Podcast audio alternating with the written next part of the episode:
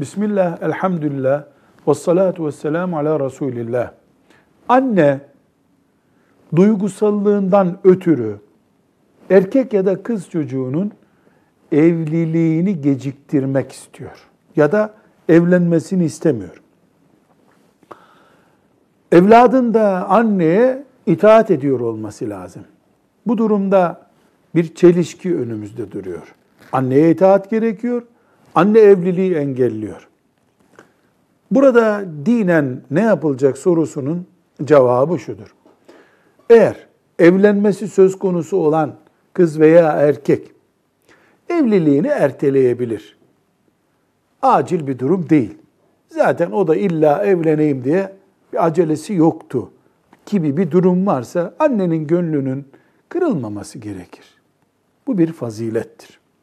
Ama öyle bir noktaya gelindi ki zinaya düşme tehlikesi söz konusu. Haram bir ilişki yaşama riski var ortada. Anne makul bir gerekçesi de yok. Sadece ben evladımdan ayrılmak istemiyorum gibi bir gerekçeyle ya da çok seviyorum'a dayanarak evlenmelerini istemiyor kızın veya erkeğin. Bu noktada anne haddini aşmıştır. Bu haddi aşma durumunda anneye itaat edilmeyebilir. Başka bir kusur ve kabalık yapmadan onun bu emri yok kabul edilebilir. Elbette bir çocuk 15 yaşındayım ve acil evlenmem lazım yoksa zinaya düşerim der. Bir de 30 yaşında bir genç ben artık dayanamıyorum bu şehir sokaklarında evlenmem lazım der.